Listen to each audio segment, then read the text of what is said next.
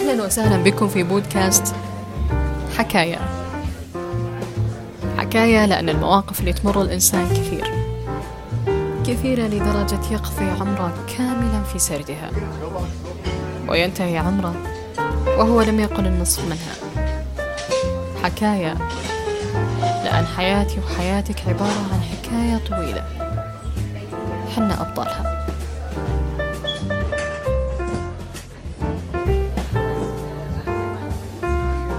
موضوع الحلقة. محبوب.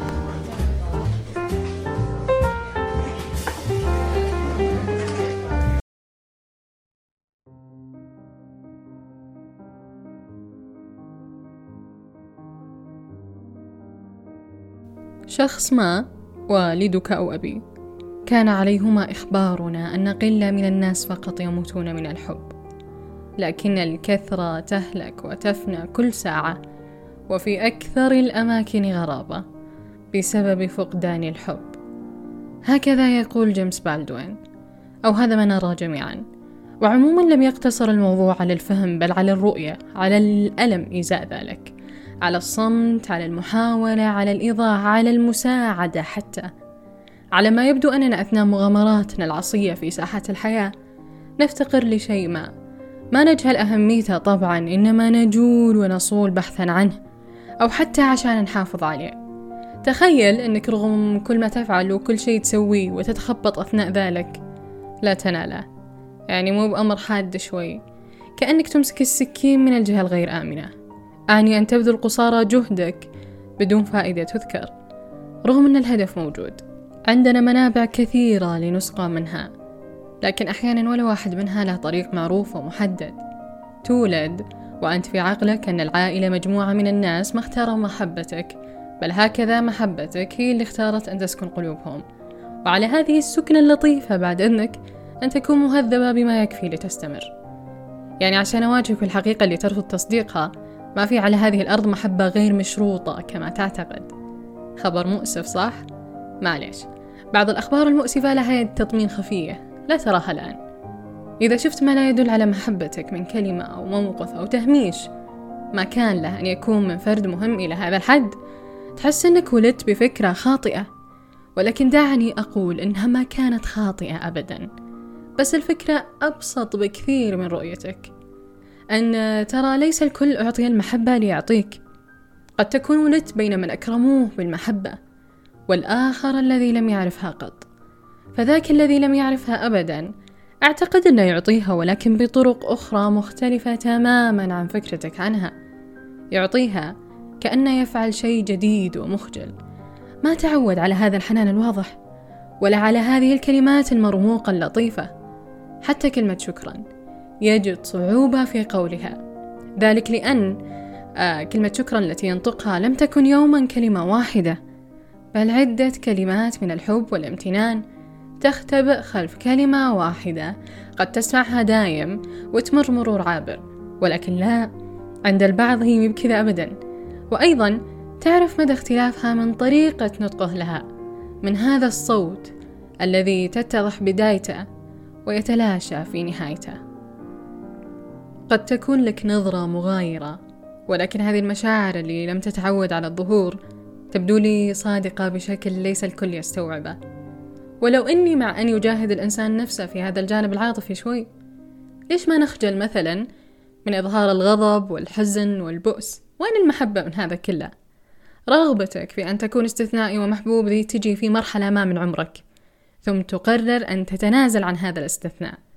ولكن تشيب وأنت بحاجة لهذه المحبة. تشيخ وأنت تبحث عن سؤال واحد فقط. يشعرك بأنك مهم بقدر ما أنت محبوب وفارق.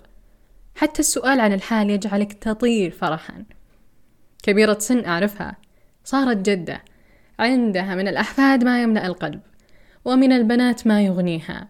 ومن الأولاد ما يرضيها. كنت أظن أنها محاطة بهم. وطبعا ترى محبتها ظاهرة. لأن لها هذه الشخصية الرائعة اللي ما تسمح لك إلا بمحبتها فقط. في يوم ما سقطت فكسرت قدمها. اجتمع الأحبة والأهل والأقارب خوفا عليها وعشان يطمئنون على صحتها. ثم بعد مدة قالت أنهم حين اجتمعوا هكذا خوفا عليها حست بإحساس رائع. نساها هذا الألم. ولا أنسى الجملة اللي بقيت في الذاكرة. قالت ما كنت أحس بأنهم يحبوني. شيء غريب صح؟ يعني رغم مجيئهم وذهابهم وعطائهم لم تشعر بهذه المحبة فعلا إلا يوم قالوها بصريح العبارة وأبدوها بدون خجل. يبدو أنها حست الآن أنها موجودة كما يقول بسام حجار يراك المحب يجعلك موجودا. إذا هذا ما يقع على العاتق القليل من المحبة الظاهرة أو الكثير منها. لا يجعلك إلا خفيفا معطاء وعلى طاري خفيف الكلمة هذه أمرها عجيب. إذا قلتها لمحب ما حس إنك ذمة. بس لا هو مو بمقتنع إن المحبة تفعل هذا تخليك بهذه الخفة. ولا أقصد خفة العقل طبعا. إنما كما قال شاعر أخف إلى لقي الحبيب وإنني لعمرك في كل الأمور وقور. قوة المحبة هنا تكمن.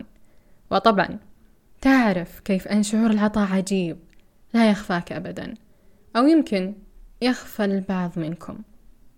أعرف كيف يكون شكل الطفل المحبوب. الذي يشعر أن كذلك من الطفل اللي ما يشوف هذه المحبة إلا في حالة واحدة إلا حين يتعب. ولعل الحب يبين على الأطفال أكثر من البالغين. أقصد تبين نتائج عطاءه وتوفيره والكرم به. البحث عن الحب في أسوأ العلاقات ما جاء إلا بسبب اختفائه في عمر مبكر. لن ينتج إلا شخص يتسول المحبة الاهتمام تنمل يديه وهو يرفعها ليقول أنا هنا. لأن بطبيعة الحال في علاقات سيئة هو غير ملحوظ أصلا. يبدو لي هذا المشهد حزين جدا وليس حزين فقط بل لو ركزت في تفاصيله لوجدت الكثير من الندم الخذلان والشح حتى في الكلمات. لو خضعت مرة لما تربيت عليه من كل هذه المشاعر فأمر آخر غير سار. لن تنتهي سلسلة التعقيدات هذه أبدا. ملايين صاروا واعين بما يكفي اتجاه هذا الأمر. لو مر في حياتك افعل ما يلزم الآن الآن في هذه اللحظة. لا ما وعيت عليه ورأيته وهو في غير مكانه. مواقف لحظات في الحياة مرت بدون ما نعطيها حقها لا بردة الفعل ولا بالشكر ولا حتى بالفرحة اللي على الأقل بعد إذن هذا الجمود فيك. أظهرها. يعني كبرنا على فاقد الشيء لا يعطي. بس اسمح لنفسك أن تمسح اللام في الجملة الشهيرة. وأعطي ليش ما تعطي؟ ليش لا يعني؟ اسأل نفسك لو تكرمت. متأكدة لا جواب شافي سيظهر.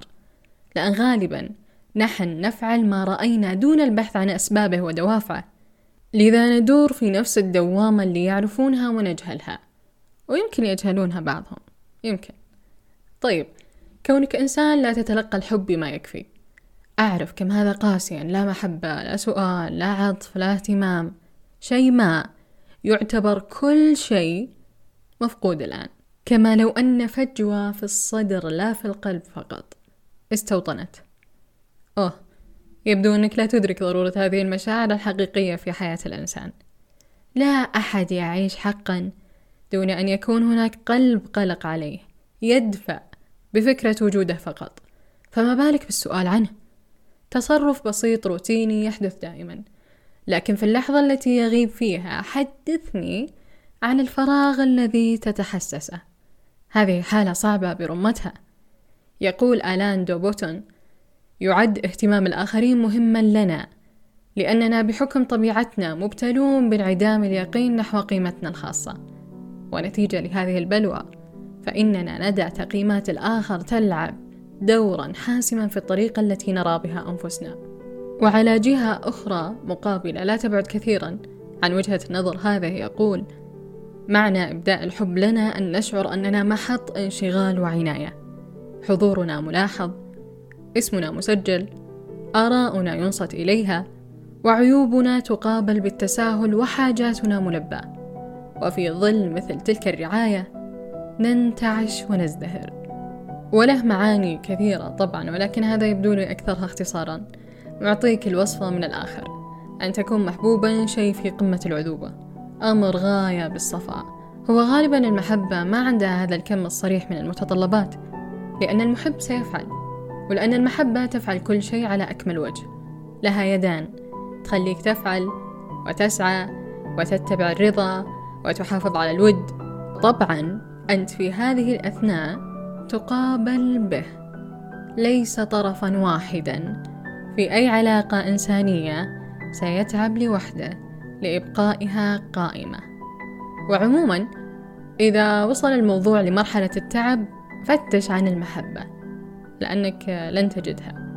ولأنك وصلت لمرحلة تسمى بهذا ما عهدني عليه ويجب أن أبقى كما عهدني دائما نخشى أن تتضرر صورتنا في أعين الأحبة وإن كانوا لا يفعلون في سبيل هذه العلاقة أي شيء.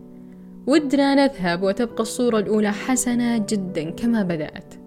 ولكن طبعا يبدو الأمر مستحيلا أحيانا. مو بدايم. مسألة الحفاظ على المكانة شيء معقد مع اللي يبيك طول حياتك. تمشي على نفس الرتم. نفس الشخصية نفس النظرة نفس التصرفات. لا يقبل التغيير فيك. وإن كان هذا التغيير أصلا لا يمسه. إنما هو في مرحلة من مراحل حياتك كإنسان التغيير فيها وارد. يعني محبتك في محلها. ولكن لا طبعا هو يريدك ثابتا كالسابق. لا شيء فيك يتبدل ولا يتقدم خطوة. صح؟ جاء على بالك أيضا هذا المصطلح. علاقة سامة. برافو. هذا المصطلح المناسب. ولا أنسى طبعا هذا الجانب الإيماني البحت الذي جاء أصله من محبة ورحمة. كيف كان الرسول الكريم يبدي محبته ولا يخفيها؟ يعطيها ولا يتوانى لحظة من نطقها أو العمل بها. هذا الوفاء ناتج من صدق المحبة وكرم النفس وصدق الإخاء مع زوجاته وأولاده وأصحابه وحتى مع الغريب. كل شخص شهد هذا النبي الكريم ناله من الحب جانب وتأثروا به إلى أن أصبحوا يبدون مشاعرهم بسهولة بالغة. وهذا أيضا جاء من باب قل لي من تصاحب أقل لك من أنت. وأي صحبة أعذب وألطف من هذه الصحبة. أن تؤمن بالمحبة وتعرف ضرورتها ولا يخفاك أثرها البالغ على نفسك وروحك وأهلك والأحبة أيا كانت صفتهم وقرابتهم.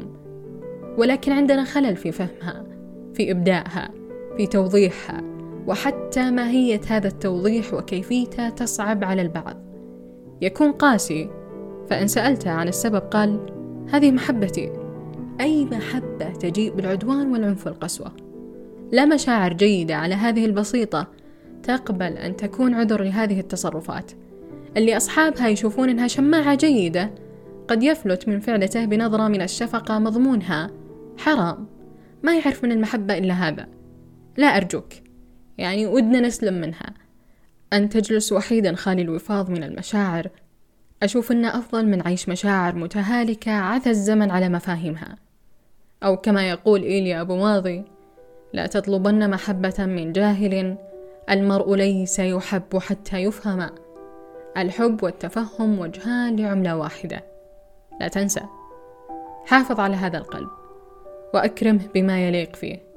لا تسمح لي الطائلة أن تصل له فتقتل أسمى ما وجد فيه وما وجد لأجله. أتمنى في أيام قادمة تعرف أين تقف وإلى أين تمضي والأهم مع من؟ عسى أن تكون المحبة في حيواتنا جميعا دربا سهلا ميسرا واضحا وجليا نقيا صافيا حلالا زلالا.